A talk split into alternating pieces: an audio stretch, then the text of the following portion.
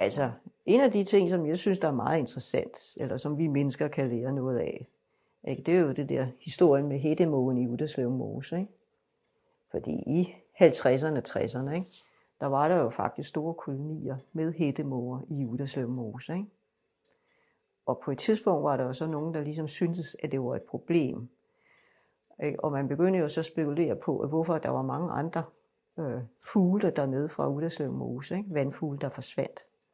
Og så fik hættemågen skyld for, at det var på grund af dens aggressivitet, at den jo andre fuglearter væk. Ikke? Og så var det jo sådan, om sommeren, så har det jo med at forsvare sit revir. Så når folk de kom gående ned i, på stierne i Udderslev Mose, ikke? så havde de jo tendens til at angribe folk. Og det er jo ikke nødvendigvis, at folk de synes, øh, at det er så morsomt, at der kommer sådan en hættemåge, og så lige tager toppen af ryggen der. Så det var ikke så morsomt. Så der blev en hel masse klager over det. Og så gjorde man det på et tidspunkt, at man begyndte at bekæmpe hættemågen i Udderslev Mose. Ikke? Hvor du simpelthen gik ind og ødelagde æggene, og så slog nogle af ungerne ihjel. Ikke?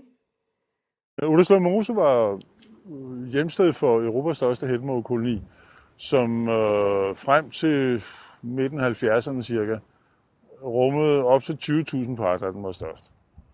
Og det var jo meget dominerende øh, element i den her naturpark, fordi hvis, hvis der var en hund, der fandt på at svømme ud mod en, en koloni, jamen så gik der jo tusindvis af hættemåger på vingerne og angreb hunden, fordi de beskytter hele kolonien.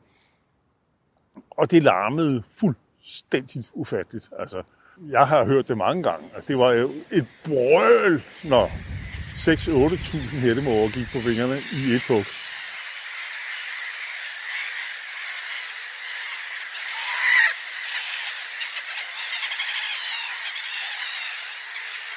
Det siges, at, at, de, øh, at bestanden faldt øh, først og fremmest på grund af øh, lukningen af den store åbne losseplads på Amagerfællet.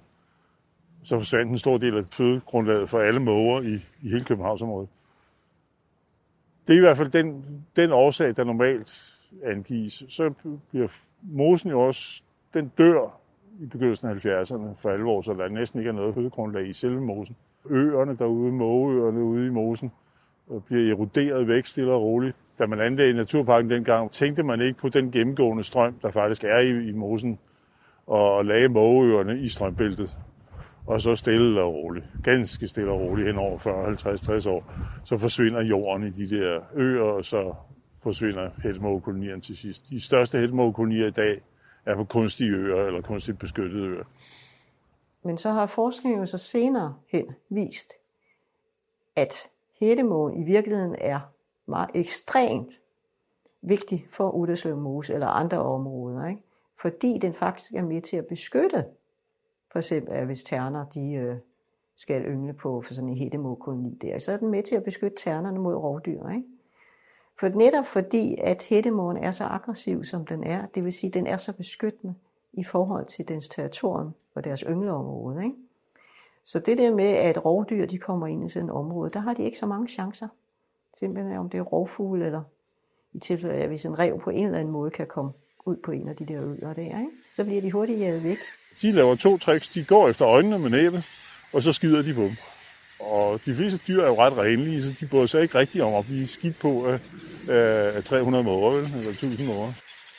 Så nu er man i mosen begyndt at genetablere de der hættemågekolonier fordi man netop har fundet ud af, at de er så vigtige, som de er. Ikke? Det er jo et eksempel på, at heldigvis så bliver vi mennesker klogere en gang imellem. Ikke? Og at man samtidig skal passe på med, at man udrydder en art, og så sker der altså noget med en hel masse andre arter også. Ikke? Så jeg tror, der er cirka 1000 par i alt. Og det er primært på den kunstige ø her i Vestmosen. Og så er der to små bitte kolonier over i Midtmosen, og så på det, der hedder Rundø over i Østmosen, som har den største del af mågerne. Hættemågekolonier beskytter en række arter, som yngler inde i kolonien. Blandt andet sorthalset lappedykker, som er the darling for alle øh, fuglekiggere hernede. Den søger ind i kanten af kolonierne og laver en flyderede, hvor den dækker æggene til med plantemateriale, og mågerne rører dem ikke. Så vi havde også en af de allerstørste kolonier af sorthalset lappedykker i de år. Jeg har i hvert fald i min notesbog 46 eksemplarer på en dag. Julius og Mose, der er set op til 100 af dem, der har set flest. Og det er vel den næststørste koloni i Danmark dengang. Og den er helt snævert knyttet til hættemågekolonier. Er der ikke nogen hættemåger, så er der heller ikke nogen solhalslappere.